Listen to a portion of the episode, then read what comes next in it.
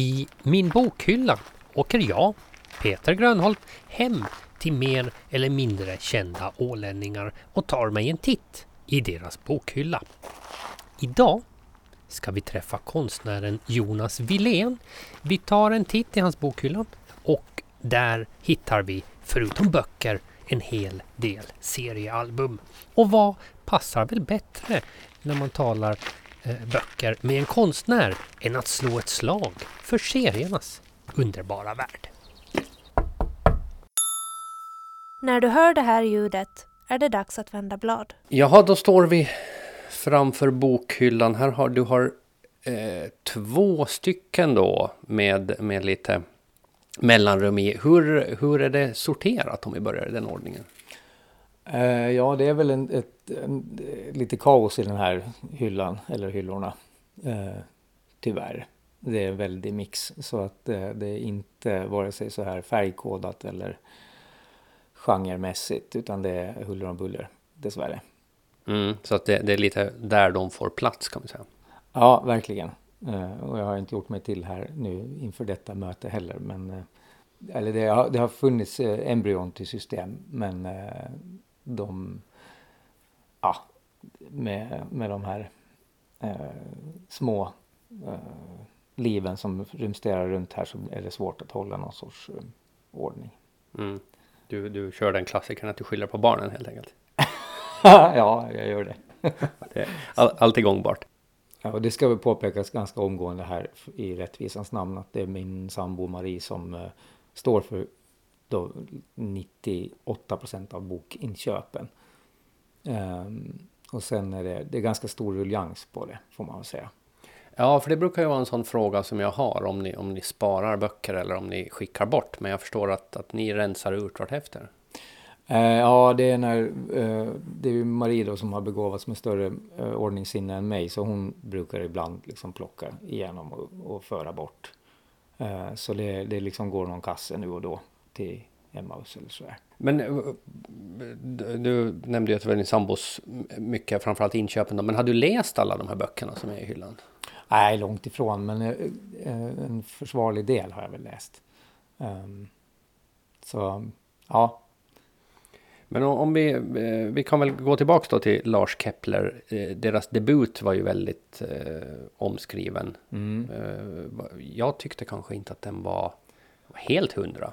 Nej, alltså det, jag tycker det var samma känsla som man får eh, så här, lite Dan Brown eller um, ja, det finns väl några andra sådana här svenska exempel också. Uh, ja, men kanske uh, Stig Larssons också. Alltså det, det, är lite bladvändare och man far, man far liksom i rask takt igenom den, dem. Men sen är det ju så här när man har kommit igenom så är det så här, hopp, det var det. Var det. Att jag inte heller så det, det, det, är ju ingenting som blir liksom kvar hos en på något vis. Men det, samtidigt så tycker jag ju att de, den typen av böcker är liksom, det är, det är lättsam underhållning och det, man är, är man är underhållen och road eller eh, lite sådär halvt på spänn då medan man läser. Men, men sen är det ju som sagt ganska tunt efteråt. Den här till exempel, Jag är pilgrimen, den där eh, Mm, Terry något, Hayes. Ja, som kom för något år sedan. Den var ju exakt så här också som eh, som man kommer liksom in i och sen är det svårt att sluta. Men sen efteråt så, ja, vad var det egentligen? Men om, om vi tittar lite grann här, har vi hittat på en, en liten en stapel med, med favoriter med, ja bland annat då Claes Östergren. Ja, han är, han, han och Eh, Paul Auster var en sån här eh, stora favoriter från 20-årsåldern och framåt. Så de har jag plöjt ganska sådär konsekvent. Um, Vad har du för favoritbok eh, där då? Ja, men det var väl, det började väl med Gentlemen, eh, hans liksom genombrott. Men sen har jag, jag tycker han är, ja, nej, men jag uppskattar honom väldigt mycket. Eh, inte lika mycket som Paul Auster för han är, han är superfavorit. Um, den här att, som ligger här, Att uppfinna ensamheten. Um, fenomenal bok. Och den, nu lägger jag den här ovanpå Stoner som ju eh, kom till ytan igen, den är väl en 60-talsroman men den fick ju nytt liv för några år sedan. Och den är väl den största läsupplevelsen på många år. Um, ja. Mm. Sen hade vi, eh, vad sa vi sen då? Torgny Lindgren låg där Ja, just det. Ja, han är också en fin författare tycker jag. Uh, under ligger ju uh, Basevi Singer. Den där minns jag inte riktigt, men uh, den här, uh, vad heter den som handlar om Golem? Jätten Golem, heter den så tror jag. Den var ju också en superupplevelse att läsa. Många år sedan jag läste den dock. Mm. Och sen ser vi ju där ser vi ju Frans Kafka förstås, processen. Ja just det och så ligger Camus där under med pesten och det där var ju sådana här böcker som man gärna gick omkring och flashade när man var uh, osäker 20-åring. Och tydligen då vill påpeka det nu som osäker 45-åring. Men i alla fall. men, men eh, var det en sån här som du gick omkring med i bakfickan? Så här, sticker upp lagom mycket? Vi kan säga så här att på, uh, ateljén som jag hade då den var liksom belamrad med den där typen av eh, eh små intellektuella markörer för att, för, för att låtsas vara lite ballare än vad jag egentligen var. Det stod också någon elgitarr där som jag inte kunde spela på till exempel. Men, men just de som har läst Kafka, jag har själv inte, inte läst han, mm. eh, så säger ju att han är väldigt, väldigt rolig, vilket ju inte det alltså han har väldigt humor trots mm. att det kanske inte är det man tänker på Kafka. Men du som faktiskt har läst han då? Ja, nej, det har jag svårt att se. Alltså det finns ju en absurdism i det. Eh, det finns det ju. Men att det är ju en väldigt svart humor i sådana fall. Alltså den är ju, det är ju rätt cynisk eh, bild av mänskligheten han målar upp, trots allt. Mm. Jag, brukar också kolla om eh, som läsare om är du en sån som läser om böcker eller? eller? Ja, det kan nog hända faktiskt. Uh, det, det, är ju några så här som, som man uh, på samma sätt som filmer att man har någon, någon favorit. Alltså att man, man vill gärna komma tillbaks i den känslan när det kanske är lite snuttefiltsaktigt. Mm. Så det, det händer ibland faktiskt. För du tog ut en bok här som jag inte riktigt... Jo men Tor Heyerdahl. Ja just det. Det var en sån som jag förstod att du hade läst om. Uh, ja det, det, här, det här är ju... Uh, han, den är ju märkt liksom av sin tid och hans uh, liksom upptäckaranda då. Men det, det är... Den här är faktiskt bitvis rafflande spännande också. Den handlar ju om Påskön den här. Och sen finns ju den andra som handlar om färden.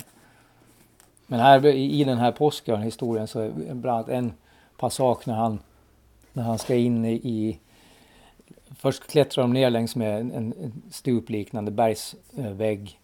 Och i den så finns det håligheter och urgrävda grottsystem där urbefolkningen på Påskön hade eh, använde som gravkammare. Och där, där ska de in i det här grottsystemet och det blir bara trängre och trängre och de ålar sig fram och djupare och djupare in i berget. Jag får nästan ångest bara prata om det, för det var en otroligt obehaglig, eh, liksom klaustrofobisk läsupplevelse. Och det hade jag inte förväntat mig i den här andra, liksom ganska så här eh, självupptagna eh, reseskildringen. Så det kan liksom överraska också. I, läsningarna kan ta en liksom åt olika håll. Men är du, blir du lätt berörd när du läser en, en bok? Ja, äh, jag vet inte om... Jo, men det, det beror ju på givetvis vad man läser. Men um, nu får jag inte ögonen på det, men det finns en författare som heter Nam Le, eller Li. Uh, som har skrivit en, en kort roman som heter Båten. Och den var tung alltså. Otroligt bra. Men uh, väldigt, väldigt berörande. Det var en tragisk historia som utspelar sig till havs. Ja, men den skulle jag gärna rekommendera till någon som vill bli, vill bli ledsen. ja. ja, men jag tänker nu får jag inte ögonen på henne här någonstans. Jag vet inte om hon finns. Marianne Fredrik som brukar kunna vara en sån författare som, som kunde ja. sätta till en känsla eller två i. Ja, just det. Jo, henne läste jag också som relativt ung, sådär 20-årsåldern. Uh, Simon och Ekarna och vad det nu fanns va. Mm. Um, ja, och i samma veva minns jag att jag läste någon, alltså eh, Björn Ranelid som sen liksom blev någonting annat än författare. Men Men jag gillar den, vad den nu hette. ja. Här är en annan favorit. Ja, Ian McEwan eller McEwan, jag vet inte hur man egentligen uttalar hans namn. Men, He- Hetta heter den va? ja, just det. Eh, han är ju formidabel. Det här är en annan lördag. Ehm, och där står någon tredje. Eh, han, har ju, han är ju eh, fantastisk författare faktiskt. Du lyssnar på Min bokhylla med mig, Peter Grönholm. Och idag Jonas Wilén. Ja, men ska vi titta lite på eh, serie Absolut. när vi nu ändå är här. Det, här finns det ju även, eh, ser jag, några böcker, Watchmen till exempel. Ja, det är ju en, den är ju en klassiker i, i den vuxna serien. eh, Den grafiska novellen. Eh, Den var väl, den väl lite dammig nu. Men eh, det här är ju ett, eh, alltså verkligen en klassiker. Också filmatiserad faktiskt för ett tiotal år sedan kanske. Eh, men det här eh, är ju av eh, Alan Moore har skrivit då. Och den är ju, ja det är väl liksom en av de här måste ha i, i min bransch så att säga. I hyllan. Mm. Men här, här tänker jag för många i alla fall som, som är i vår ålder har ju, har ju läst mycket serier som barn. Det här är ju liksom serier för vuxna. Ja. Så att Det- följde, följde serie, serieläsande med, med dig och så liksom utvecklade du det till Mm. vuxenserier. Ja, jo det börjar ju med de klassikerna liksom med, med Tintin, Lucky Luke och Gaston och Asterix och de klassiska albumen som verkligen var i, fanns i ens DNA på något sätt när man växte upp. Eh, men sen sakta men säkert så hittar man ju fram till de här som är liksom mer och mer vuxet då helt enkelt. Att det, ehm, här har vi Bourgeois eh, med risk för att uttala lite tokigt. Som har samma liksom, typ av eh, grafiska uttryck egentligen som för den yngre publiken. Men det är väldigt eh, liksom Det är väldigt vuxet innehåll. Um, och sen har, kanske Ja här har vi del två del i två versioner av eh, Art Spiegelmans Maus. Um, som ju behandlar andra världskriget och eh, eh, en överlevandes historia helt enkelt. Om koncentrationsläger och överlevande från Auschwitz. Gjord I serietidnings eller serieform med, Ja. med djur som huvud. just det.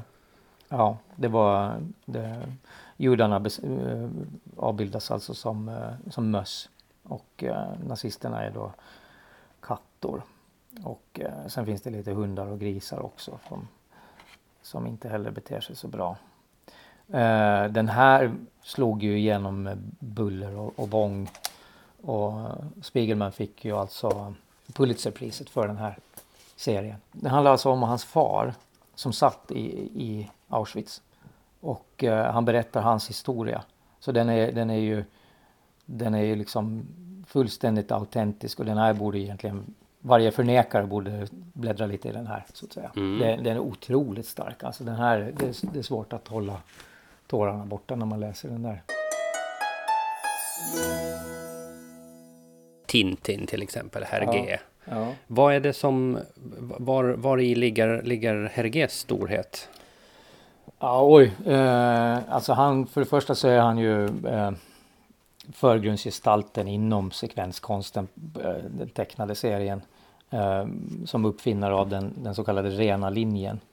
Eh, och sen var han en mästare på eh, rytm och att skildra liksom rörelse i det, i det, i det låsta uttrycket. Så han eh, revolutionerar ju hela serietecknarstilen egentligen. Eh, man ser ju det också tydligt. Det här sönderslagna örat som du plockar fram nu så är ju ett tidigt, tidigt verk. Eh, man hittar någon av de senare, till exempel.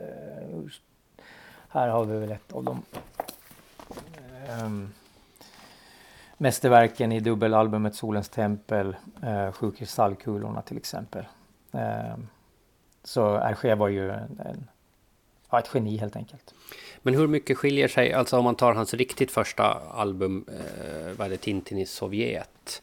Ja, just det. Eh, där kan ju till och med jag som, som icke så insatt i, i, i tecknandets värld se en otrolig skillnad mot Mm. de flesta senare. Men, men hur skiljer det sig mot, för han hittar ju sin stil ändå efter ganska snart. Ja, det, jo, och sen tecknar han ju om flera, flera av de tidiga versionerna också och modernisera dem som till exempel Svarta ön och sådär. Eh, men det, det, de här tidiga då som Tintin i Sovjet och sen kom Tintin i Amerika så är ju väldigt så här stumfilmsaktiga. Och det är ju liksom, det är ju en ganska så här grovkornig humor i dem om vi säger som så. Lite snubbel, snubbelhumor. Eh, och det filades ju också bort sen eh, till de senare albumen. Eller, han, han, även berättartekniskt blev han ju bättre. Och Mm. eh, tog ju delvis också avstånd från de tidiga verken. De, som hade ganska... Det fanns ju lite rasistiska inslag och sånt. Och till exempel Tintin i Kongo blev ju väldigt omtalad här sistens när de plockade bort den ur sortimentet i, eh, på Kulturhusets bibliotek i Stockholm tror jag. Mm. Jag måste lite böja mig fram och se vad du har. Ja, men här har vi väl Lucky Luke, va? Morris, det var väl han det var. Ja, just det. Nu vet jag inte, det där kanske inte var en representativ Lucky Luke jag fick tag på. Kanske- Nej, det här kanske har vi väl eh, Lucky Luke-hyllan. ehm, där finns ju den här eh, gyllene tidsåldern med någonstans där vid 60-talets slut och början på 70-talet som han är som allra, allra bäst. Eller de, ska vi säga. Det är Billy the Kid, var det som du hittade. Ja, Men var, var, var är, om vi fortsätter på det spåret då, var ligger han, eh, storheten med Lucky Luke? Jag vet inte. Det finns ju, där finns en bitvis en ganska raffinerad humor faktiskt. Ja, den, den har ju sin... Alltså det, det är ju... Läser man, bläddrar man nu i dagens läge som, som på äldre sidan så, så är det väl också lite snuttefiltsaktigt att man går tillbaks till en, en, sin egen barndom på något vis. Men, Vad såg jag till? Ja, men Gaston. Eller Gaston som han hette på, på åländska. Ja, absolut. Ja, där har vi ju en, eh, en av de topptecknarna topptecknarna i, i världen, liksom i genren, så är ju Frank Ann då. Eh, och eh, samma där. Eh, I början en ganska grovkornig humor, men eh, bitvis genial. Eh, lite längre fram under produktionen då. Eh, jag fick faktiskt eh, ett tips. Det var väl till författare kanske. Att ska man lära sig skriva dialog så gör man klokt i att läsa just Tintin. Mm. Ja, det kan jag bra tänka mig att det är ett bra tips. Eh, det handlar ju om eh, att skala av när man jobbar med att teckna serier. Alltså att eh, dialogen dels inte ska liksom belamra Eh, och ta överhand det, det bildberättandet. Utan det ska bara vara en ständig liksom balans i det. Så där finns nog eh, här tror jag jag har ett exempel på eh, ju, där det kan gå åt andra hållet. Nu ska se om jag hittar. Eh, som Blake och Mortimer. Eh, det här tror jag är någon, någon ny produktion. Men här har vi liksom ofta enorma ordmassor där de förklarar liksom istället för att bara visa i bild vad, vad som, hur historien ska drivas framåt. Där var de, de uppföljer, de här, det här är en, en seriesvit som tydligen har tagits över och finns i, i ny produktion. Men de, eh, Jacobs hette han som ursprungligen skapade den här serien och han var medarbetare till Hergé faktiskt. Vilket också syns ganska tydligt på den här lite Tintin-aktiga stilen. Men eh, ja, någon sorts lite fantasyhistorier. Men när vi ändå är nere i hyllan då så här har vi ju eh, Kalle Anka ser jag en hel del om vi går över till de- det som Ja, faktiskt är tidningar. Ja, det där är ju nog, ehm, ehm, ska vi säga, barn, barnens eh, hylla. Mm. Men samtidigt om man tittar på om man tittar just på Kalle Anka så där har det ju ganska alltså stor skillnad mot de här som massproducerades av man vet inte vem mot eh, Carl Barks och Mm. Don Rosa till exempel Mm. som är ju vansinnigt rolig bara i, egentligen i bildspråket. Ja, nej, jag har aldrig varit någon sån här superfan eh, av den tecknade versionen liksom av Kalle Anka och, och company. däremot eh, ett stort fan av Disneys eh, filmer. De Mm. tidiga. Eh, faktiskt. Okej. Men eh, vi har ju pratat en hel del Tintin och där om man har följt veckans Wilén så vet vi ju att, att där hade ju tagit åtminstone en som jag kommer på på rak arm, de sju kristallkulorna med med eh, partiledarna tror jag det var som Mm. cirklar runt ett bord. Hur Ja, mycket, är det något så här som att du tar med jämna mellanrum så blir du lite sugen på att göra en Tintin eller en... Ja, jag har väl lånat faktiskt. Eh, jag tror både Gaston och Lucky Luke och Smurfarna och det har nog varit, det är liksom, det är nog ganska, det är ganska kort steg för mig att ta. Alltså det, det är så invävt i mig det här bildspråket från barnsben. Och Tintin är väl kanske liksom den största, ja, som jag har liksom berörts mest av som ung. Mm. En annan som jag vet att du har använt som jag såg här men inte får ögonen på nu, Jan Löv. Ja, just det. Ja, jag var väldigt förtjust i den eh, eh, serien också, Felix. Eh, precis. Jag tror att den här kom i, i nyutgåva någonstans där kanske kring ni- 1990 eller något sånt här. Så gavs de ut i ny version de här. Eh, jag tror det var sex album som de samlades i. Och den är ju, ja. den har någon sorts naiv supercharm den här serien. Och väldigt eh, ja, så här pojk, pojkaktigt. Det är väldigt mycket Jules Verne över det hela. Om man- Det, det är vansinniga hopp och hit och dit och någon... Ja, det är, det är roligt på något vis. Mm. Och ser en modern, eh, modernare tecknare då, Martin Kellermans Rocky finns det några stycken också. Ja, just det. Jo, nej, men det är ju, han är ju eh, formidabel tycker jag. Eh, och imponeras också över hans eh, konsekventa arbetssätt och att liksom producera så. Under så lång tid, nu har han ju slutat teckna eh, Rocky, men, men det, var, det är ändå en, liksom, en bedrift att hålla den så på den höga nivå som han gjorde under så många år. Och också eh, liksom självbiografisk. Ja, verkligen. Så. Eh, mycket utlämnande och man liksom följer ju hans, hans liv i, i dagboksform nästan. Men eh, svårt ändå, jag menar ur ett normalt liv och, och producera så mycket ändå roliga serier baserat på vad man själv har gjort, tänker jag. Ja, och det tycker jag det, det jag imponeras mest av är liksom hur, vilken hög nivå han ligger på rent humormässigt. För att det är ju det är ju knepigt. Sen har vi en annan, en helt annan form då av serier. Jan Stenmark ser jag där. Ja, han är ju en, en stor favorit. Ehm, han är ju en sån här en, enbildsmästare. Ehm, och han är väl, ja han är ju en husgud på något sätt. Ehm, det finns ju en, ehm, en lång rad med böcker med, med samlade verk av honom och de ja, bläddrar man igenom en, en sån så, så får man ju både liksom tankeställare och eh, Ja, han är, mer, han är mer eftertänksam än vad man kanske först märker. Mm. En sån gammal klassiker som Gary Larsson däremot så ser jag inte här i hyllan. Ja, men det är nog också faktiskt en, eh, en av mina favoriter. eh, The Far Side. Eh, ja, nej men det är ju, jag vet inte, det...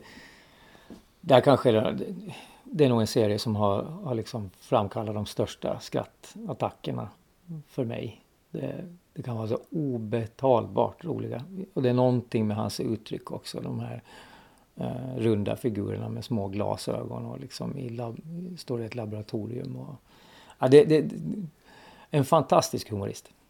Ja, och framförallt så tycker jag eh, hans skämt, det är ofta ganska torra skämt. Ja, det som är ju det. blir roliga. Ja, och sen det här eh, det som Stenmark också har, att han ser liksom någonting i det extremt alldagliga så kan det liksom finnas en, en kullerbytta som är helt och hållet oväntad. Och det, ja, det, det imponeras man av. Jag har ett vagt minne av att det fanns liksom någonting som, som lite påminde om någon så här åländsk nästan variant av Galago med en, en seriebok som hette Svamp. På Ja, just det. 90-talet. Är det något du har något minne av? Eh, ja, det var en, det var en finlandssvensk serieantologi som kom jag tror på kanske slutet av 80-talet. Eh, så den var jag med i faktiskt då som 14-åring. Med någon form av Tintin-inspirerad historia om någon privatdetektiv.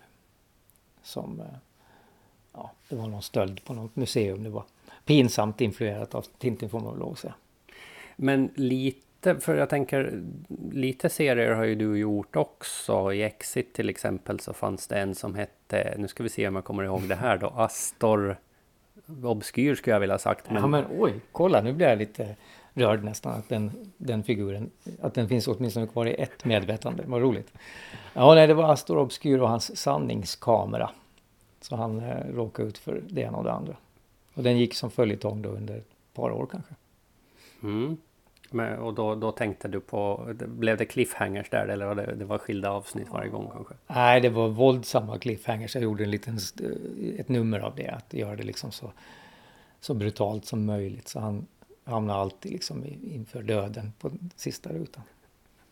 Men, men eh, serietecknande, har du, har du lämnat därhen nu? Eller?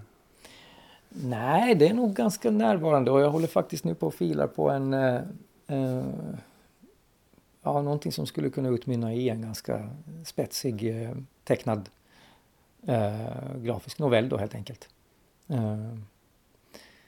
Eh, som ska utspela sig på Åland och den ska Ja, jag tänker inte avslöja vad den ska handla om men det är en, en, en rafflande dystopisk historia. Så man, man, får ha ett, ett, ett öga då i bokhandlarna här? Ja, det, jag tror att det kan dröja något år innan det här blir verklighet men det, jag håller på och filar på manus och uh, har lite testkört den här storyn på... Jag har pitchat den för några personer och uh, ett, jag känner mig ganska säker på att den kan funka. Mm. Jag kan säga så här mycket. Det finns ju uh, det fästingburna gisslet med borrelia. Och sen så ja, är det ännu värre så blir det TBE. Mm. Men nu dundrar TBX in. Oj, oj, oj. Mm. Ja, det, var, det var en cliffhanger. Ninna, ninna, ninna, na, ninna, na, ninna. Jaha, då ska vi se. Boktips. Ja, börjar då med den här uh, Stoner av uh, uh, John Williams. Som kom tillbaks till ytan efter ja, cirka 50 år då, eller något sånt. Som den var bortglömd. Och den här tog ju världen med storm och den är ju oerhört läsvärd. Vad, vad är handlingen? Uh, ja, uh, det är ju en kärlekshistoria. En man som älskar på avstånd och aldrig riktigt lyckas. Uh, ja, det är svårt att säga vad den egentligen handlar om. Han är, han är, han är lärare och det är en väldigt stillsam berättelse ur hans perspektiv och mm, ja, säger någonting väldigt mycket om oss människor tycker jag. Mm. Eh, men en gripande historia. Mm. Och boktips nummer två. Ja, det är Ian McEwan och Kärlekens raseri. Eh, den här börjar väldigt rafflande med en luftballong som stiger till väders med ett antal personer ombord och den sliter sig. Så det är några, de hänger liksom kvar för sitt liv och ballongen stiger högre och högre upp. Och det här är själva upptakten. Och eh, dessvärre så tvingas de släppa taget och eh, faller mot sin död. Och eh, det, ja, det är en rafflande historia som rullas upp. Uh, Ian McEwan är en av mina absoluta favoriter. Och så boktips nummer tre. Ja, det är Paul Austers klassiker Leviatan. Uh, han, uh, ja vad ska man säga, det, han, han tittar ju liksom inåt alltid på Auster och eh, beskriver oss människor från, från våra ynkligaste håll. Också en fin läsupplevelse.